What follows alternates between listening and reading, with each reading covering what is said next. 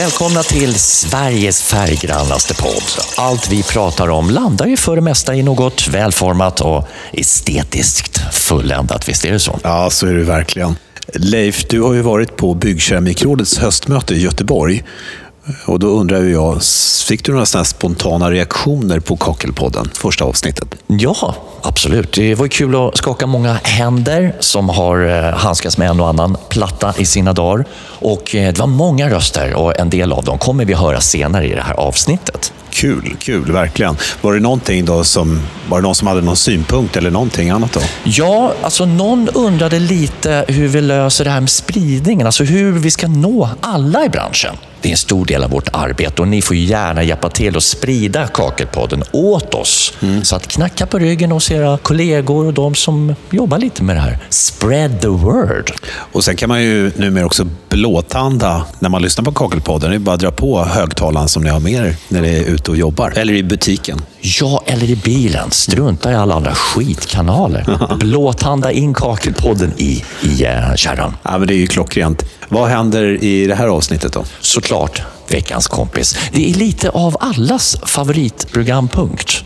Det är någon som känner någon, som känner någon, som känner någon och så vidare. Som har gjort en tabbe. En liten anekdot kan man säga. Och så blir det veckans fråga. Vi hör en av Byggkeramikrådets experter, den här gången Daniel Olsson. Han ska besvara en synnerligen vanligt förekommande fråga. Och såklart så kommer Byggkeramikrådets VD Ralf Gerard att dyka upp lite senare också. Han ska summera höstmötet i Göteborg där branschens, ja, många av branschens företrädare träffades för en tid sedan. Mm. Och så ska vi höra en handfull plattisar berätta från hjärtat vad som är det bästa med att vara just plattsättare. Men först så ska vi ta och dyka ner i världens största kakelmässa i Cersai i Bologna som ligger i regionen Emilia-Romagna i Norditalien. Cersai conferma il proprio valore internazionale som då heter på italiano. Jag har träffat två personer som var där. Den ena är Johan Sandberg, VD på Kakeldags som består av Stigs Kakel i Västsverige och Kakelcentralen i södra Sverige samt Kakeldags i Stockholm och Örebro. Och dessutom får vi höra Jay Lindgren, VD på Kakelspecialisten. Och jag ställer frågan till dessa herrar vad det var som var mest intressant där nere. Vi har Johan först. Vad jag tyckte var roligt att se alltså väldigt kvalitativa produktionsföretag där nere som, som ändå kommer med lite udda eh, färger och format och glaserade plattor som man kanske inte riktigt var beredd på att de skulle producera för oss. Eh, vi är ju i Sverige en marknad som tycker om småformat och vi gillar 15-15 och 20-20 och 30-30 och det finns en hel del som gör det men det kommer nu då med med färger och, och eh, trevliga, trevliga format helt enkelt. Eh, mest intressant med mässan i år, det var väl egentligen att det följer en lång serie utav, av trender som har varit under ett par år. Mycket, mycket marmor, mycket, mycket natursten. Den nya digitala tekniken sedan ungefär tiotal år tillbaka gör ju att, att eh, tillverkarna utav, av eh, keramiska plattor kan ju göra i princip vad som helst och det märks. Det är också så att den här tekniken är mer åtkomlig för mindre fabrikanter också, vilket gör att det finns en viss likformighet i, i saker och ting. Utan man tävlar ju att vara så otroligt nära originalen på de här marmor eller då eh, betongkopiorna. Det är påtagligt eh, i år. Ehm, eh, färger, det kommer blått. Eh, det, kommer, det kommer färger överlag. Italienarna måste ju på något sätt markera sin närvaro. Det är ett, ett starkt eh, trendland överlag. Det gäller inte bara kakel och klinker, det gäller kläder, det gäller bilar, det gäller inredning. De försöker markera och sen så gör det kanske lite svårare för sina konkurrenter i andra länder som producerar. Man försöker få ut serier snabbare, produkter snabbare. Ehm, eh, det kommer leda till, och det leder till, att, att serierna, produkterna blir ju kortare och kortare levnadstid. På samma sätt som vi ser det med andra inredningsprodukter. Eh, jag tror att kakel och klinker, vilket accentueras i år, att det kommer bli, det kommer bli att, att de kanske lever bara ett, två, tre år och sen försvinner de och så måste man in med nytt. Eh, och och det är ett sätt att hålla sin industri levande. Eh, annars så blir man lätt kopierad och det kan vara allt ifrån andra europeiska länder eller asiatiska länder eller till och med nere numera i Mellanöstern så tillverkar man.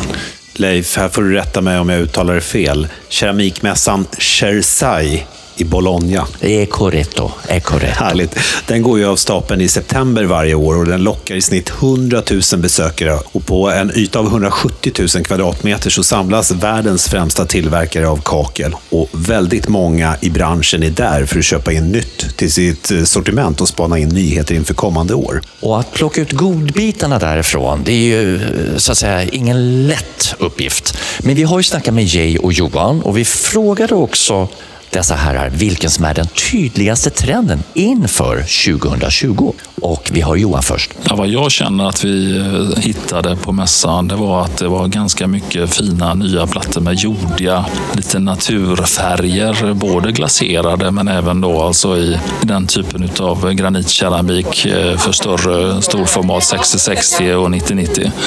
Eh, granitolocken, marmorlocken, terrassolocken, den finns, finns där. Den är förfinad och den är fin. Den kommer vi fortsätta att sälja en hel del utav. Eh, trenden med 20 mm uteplattor kommer och det är, kan jag säga, där är vi bara i början i Sverige vad jag tror att vi som konsumenter vill ha till våra uteplatser och till våra terrasser i framtiden. Det tydligaste är att, och det har markerats för varje år, det är att det blir, vi får ju trender, vi får ju plattor, vi får ju mosaiker, vi får ju både kakor och klinker som blir mer och mer accentuerade, de blir mer och mer tydliga, de blir mer och mer starka i kulörerna. Eh, och det är nog kopplat till att man vill markera sin närvaro, man vill accentuera sig själv från andra. Eh, jag tror att inför 2020 så kommer det vara grejen att man, vi kommer se allt ifrån färger men också grafiska mönster som blir mer, sticker ut. Att ligga i mainstream, att tillverka eh, saker och ting som i princip nästan alla andra kommer göra, kan göra. Det ligger inte för Italien och ligger inte heller för Bologna när man kommer dit heller. Utan det här, det här är idag en, en, en realitet och det kommer att vara det i, i, i många år framöver också. En annan tydlig trend som ganska många pratar om är storleken på plattorna som inte är helt lätthanterligt. Vi har Johan igen. Min personliga känsla är att allting som vi har tittat på de sista tre, fyra åren har nu blivit mycket, mycket bättre. Det är naturligtvis mycket storformat, det är mycket färger, det är mycket... Men det, det blir lite bättre hela tiden, den här tekniken. Det är väldigt spännande att se vad de kan göra. Eh, vad som kan vara intressant som vi naturligtvis måste diskutera med våra platssättare och våra kollegor i branschen, det är hur vi ska kunna hantera den här floden av storformat som kommer. Det är, det är mycket storformat nu. Vi är uppe på 3,60 höjder och 120 bredder. Det är otroligt stora eh, sjok av keramik som kommer ur fabrikerna. Och vi vet ju allihopa att det är både utmaningar vad det gäller transporter och vad det gäller lagerhållning och sen framförallt sättning och få detta att sitta kvar på väggarna. Så det, det är den, naturligtvis jättespännande och det, den diskussionen för vi både i BKR och KAF, men framförallt med våra leverantörer. Storleken har onekligen betydelse. Det är ju riktigt bra fråga det här och det är bra att den är uppe på bordet. Och här tror jag vi har alla anledning att återkomma till det här i Kakelpodden. Jag fick en känsla av att jag måste ställa frågan till dig, Marcus. Har du någon gång funderat på att bli platssättare? Sadla om, liksom? Jag kanske inte sadla om, men det här är ju lite träffande. Min farsa, han tyckte ju verkligen att jag skulle satsa på ett hantverkaryrke och, och han tyckte att jag skulle bli platssättare. Eh, men så blev det faktiskt inte. Men jag tycker ju faktiskt att det låter väldigt, som ett väldigt fritt och kul jobb. Fast det är ju aldrig för sent. Men nu så styr vi kakelskutan åt ett helt annat håll och siktar in oss på just er plattisar där ute och hur ni upplever er vardag. Jag hörde nämligen en platssättare beskriva sitt jobb för mig som terapi för själen. Han sa att han älskar att stå ensam i ett badrum, lyssna på hög musik och mata platta efter platta efter platta efter platta. Och där föddes embryot till frågan vi ställde till en kvartett fullblodsproffs. Vad är det bästa med att vara platssättare? Idag så handlar det väl mer om att jag gillar att skapa någonting från grunden och komma in i ett badrum med fyra gipsväggar eller vad det är och sen att lämna det några dagar senare och ha skapat någonting väldigt fint. Och sen att så är det ju schysst det här med friheten i jobbet. Att ha egen bil, ha dina verktyg, ha ditt uppdrag du ska göra. Att du styr och ställer ganska mycket själv. Och sen då du jobbar själv och du kan gå in i din egna värld, lyssna på en podcast eller ja, du, du sköter ditt. Det är ju friheten med yrket att eh, få skapa eh, vackra rum kan man säga. Det är ju eh, det blir ju alltid vackra eh, slutresultat om man gör ett bra jobb. Ehm, fritt yrke, man åker runt och träffar eh, mycket kunder oftast. Eh, är man på storbyggen så träffar man mycket arbetskamrater. Så att det, kan, ehm, det är både, både och där, både med arbetskamrater och kunder, privatkunder. Och men nu med alla år som har gått och så, det är, det är väl reaktionen utav kunden när man väl är klar. Alltså man kan ju jobba med en billig platta, man kan jobba med en dyr platta, man kan jobba med marmor och natursten. Men det är reaktioner man får av dem när det äntligen är klart. Ja, det bästa med att vara platsättare är ju, håller man på framförallt med privatpersoner så får man ju möta så många olika personer och det är en social grej, absolut. Men det blir ett resultat omgående när det gäller plattsättning. Det syns och vi kommer in i slutskedet och det, det blir så stor förändring när det gäller, det kan vara ett litet stänkskydd kök, det kan vara ett badrum, det är bara det lilla, men det, det ger en förändring som är snabb och eh, det är slutklämmen på mångas, vad ska man säga, mångas, mångas idéer och byggnation så är det lilla slutklämmen. Och eh, det är det positiva tycker jag. Vi hörde bland andra Mikael Hamberg och Ola Dahlström. Och ja, Jag tycker faktiskt det låter riktigt härligt att, att jobba som platsättare. Jag är ju ännu mer sugen nu efter att jag har hört de här rösterna. Jag lockas ju lite grann av klädkoden. Ja, vadå då? Ja, men det är fantastiskt. Det finns ingen skjortkrav eller att man ska ha hela rena byxor eller sidbena åt något håll. Utan man kan, man kan bara dra på sig vad fan man vill. Och så bara riktiga byggbrallor såna här med 25 fickor. Man stoppar ner ett verktyg i varje. Och bara rullar runt och bara yeah. Det känns soft, skönt liksom. Ja. Du, vi hoppar vidare till veckans fråga. Och det är ju otroligt många frågor som rullar in till Byggkeramikrådet BKR. Och nu ska vi få höra en av deras experter, nämligen Daniel Olsson. Han ska besvara en synnerligen vanlig förekommande fråga och den lyder så här. Vad är viktigt att tänka på när man som privatperson ska anlita någon som ska renovera till exempel bad eller duschrum? Hur kan man hitta en hantverkare som är vettig då? Det är ju själva kärnfrågan då. Eh, det finns ju lite olika sätt att göra detta på och eh, såklart, internet känner vi alla till. Vi kan googla fram någonting, men det finns ju en viss osäkerhetsfaktor där. Eh, vi kan ju också få någon rekommendation från några vänner eller bekanta. Vi kanske har besökt någon vars badrum vi tycker är helt fantastiskt. Och så kan vi fråga, ja, vem har gjort det här? Vad är det här för firma som har gjort det? Eh, går man via nätet, vilket man kan göra, man kanske inte har någon som man känner som man kan liksom få tips av på det här viset. Då tycker jag att man ska kika efter ett behörigt företag för då vet vi i alla fall någonting om kvalitetsnivån då på det arbete som ska utföras. Plus att man följer de branschregler som, som finns helt enkelt. Sen tycker jag som nästa steg då, man kanske inte ska välja ut en hantverkare bara. Man, jag tycker man ska ta in offerter från två eller kanske tre olika firmor så att man kan jämföra offerterna då. Vad, vad är det vi har kommit överens om? Vad är det som ska göras? Eh, vad, hur lång tid ska det här ta? Och vad kommer det att kosta helt enkelt? Som jag snackade om förut, då, eh, referenser. Det kan ju vara om man då har, har, någon som man känner såklart, då har vi en referens där. Men från de här lite mer okända för oss då, kanske vi hittar via internet. Då. Där kan man ju fråga om referenser då. Kanske en eller två referenser. Eh, kan du hänvisa till någon jag kan ringa eller kan jag få foto därifrån? Eller ännu bättre, om det är möjligt då, att vi kanske till och med kan få åka dit och kika. Då. Så det, det kan ju vara möjligt eventuellt då, men kanske inte alltid. Vad ska man kolla mer då? Liksom? Eh, F-skattsedel såklart. Det vill vi ju att de ska ha, annars blir du arbetsgivare. Det är ju lite otäckt. Då. Man kan ju undersöka entreprenörens ekonomi på olika sätt. Man kan ju ringa till Kronofogden. Man kan kolla så att hantverkaren inte har eh, någonting eh, registrerat på sig. Då behöver man ju person och organisationsnummer. Man vill ju gärna att de ska ha en ansvarsförsäkring. Eh, och då är det ju en allrisk och entreprenadsförsäkring kan man säga som, som de ska ha. Då. Sen är det ju det där med behörighet. Eh, anlitar man ett behörigt företag, som jag tycker att man ska göra, då är det självklart så att dels kan man ringa in till oss och dels kan man söka på vår hemsida på det här org-numret. Då, så kan man se om det här är ett behörigt företag. Sen det sista jag vill säga, det är att när man väl kommer överens på något sätt, se till att ha ett skriftligt avtal. Det finns ingen lag som säger att du inte får ha muntligt, men ha ett skriftligt avtal. Det är en trygghet för både dig och din hantverkare där ni är överens om, som sagt, priset, vad det är som ska göras, hur lång tid det ska ta ungefär och snacka gärna om också hur ska ni liksom hantera kanske extraarbeten och, och oförutsedda saker som kan finnas rent byggtekniskt och så vidare. Då. En sista grej som jag vill ta med också, det är ju själva entreprenadformen. Och det låter ju överkurs för en privatperson, men jag ska försöka förklara det enkelt. Så här tycker jag. Det enklaste för dig som vill hitta en hantverkare då, se till att du får en total entreprenad.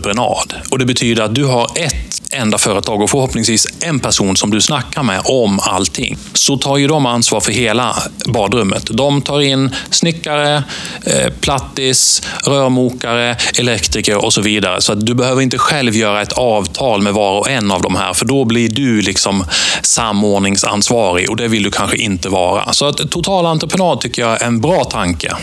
Det sa alltså Daniel Olsson, expert på Byggkeramikrådet. Och är det så att du har några frågor eller funderingar så är det enklast att gå in via bkr.se. Där kan du hitta en hel del fakta och information och du hittar också alla kontaktuppgifter till BKRs experter. Jag var ju på höstmötet så och fick se och höra en hel del av vad branschen diskuterade. Nu ska vi faktiskt få en summering ifrån Ralf Gerard, VD på Byggkeramikrådet. Vi hade ett riktigt bra höstmöte. Det var i princip så var det deltagarrekord. Vi var 260 stycken som var anmälda, vilket är riktigt, riktigt roligt. Och vad fick alla de här ta del av under eftermiddagen? Bland annat eh, pratar vi om det här vi pratar i nu. Vi pratar om, om podden. Det som känns kul är att den har fått ett jättebra mottagande. Eh, jätteroligt. Ni där ute får gärna inkomma med lite förslag på ämnen som vi tar upp i kommande avsnitt. Men framförallt, var kan man höra podden? Man kan höra podden på, naturligtvis där alla poddar normalt sett ligger, men vi vill att ni lyssnar på den via Spotify. Yes, och vad pratar ni mer om? Vi pratade också om en app som vi lanserar, om allting går som det ska här vid årsskiftet. Där kommer man kunna hitta allt, i stort sett all information som var på hemsidan, men i lite enklare varianter och lite mer lättillgängligt.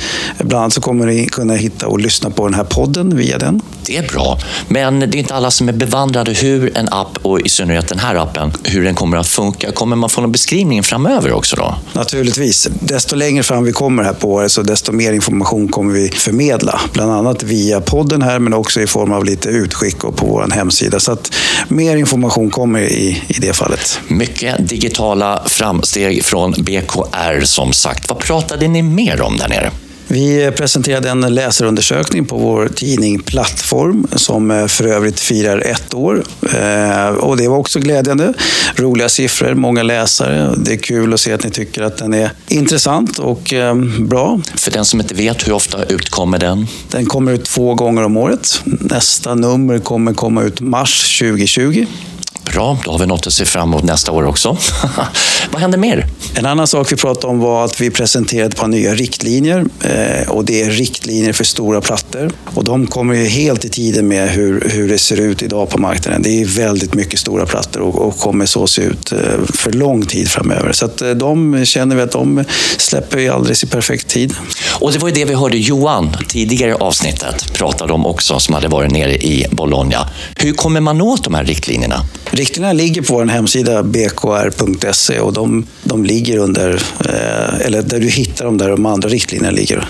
Vad händer mer?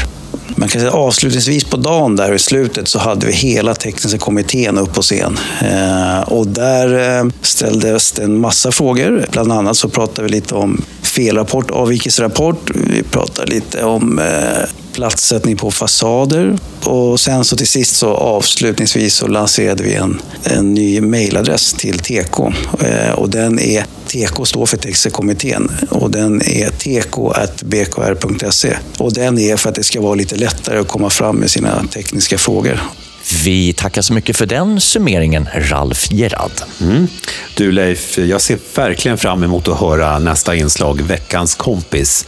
Ni vet, någon som känner någon som har gjort en tabbe. Ja, det här är underbart. Jag har en kompis, vi kan kalla honom Janne. Legendarisk plattsättare som har jobbat i många år. Men det här är en story som är ganska gammal. Men han var på ett slags stambyte där kunderna bodde kvar i lägenheterna under stambytet. Och han, ja, stambyte kan ju vara lite så här, underlagen är inte hundra, men man kaklar ändå. Och det gjorde Janne i det här badrummet, också hos den här kvinnan som var lite speciell.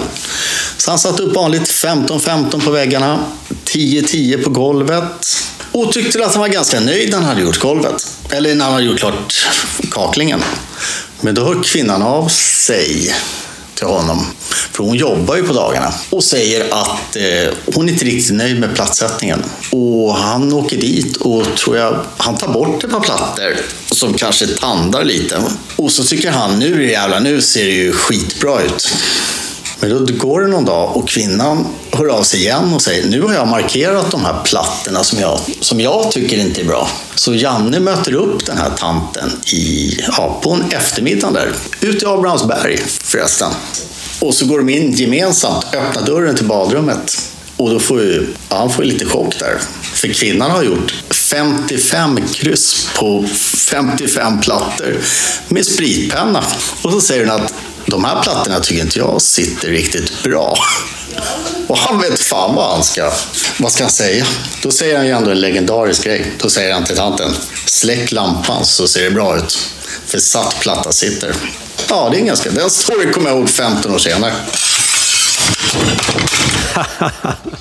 Jag undrar ju om Janne fick byta de där kryssade plattorna eller sitter den där tatten fortfarande i mörkret och, och gör sina behov? Ja, only God knows. Vi ska ta och knyta upp säcken nu.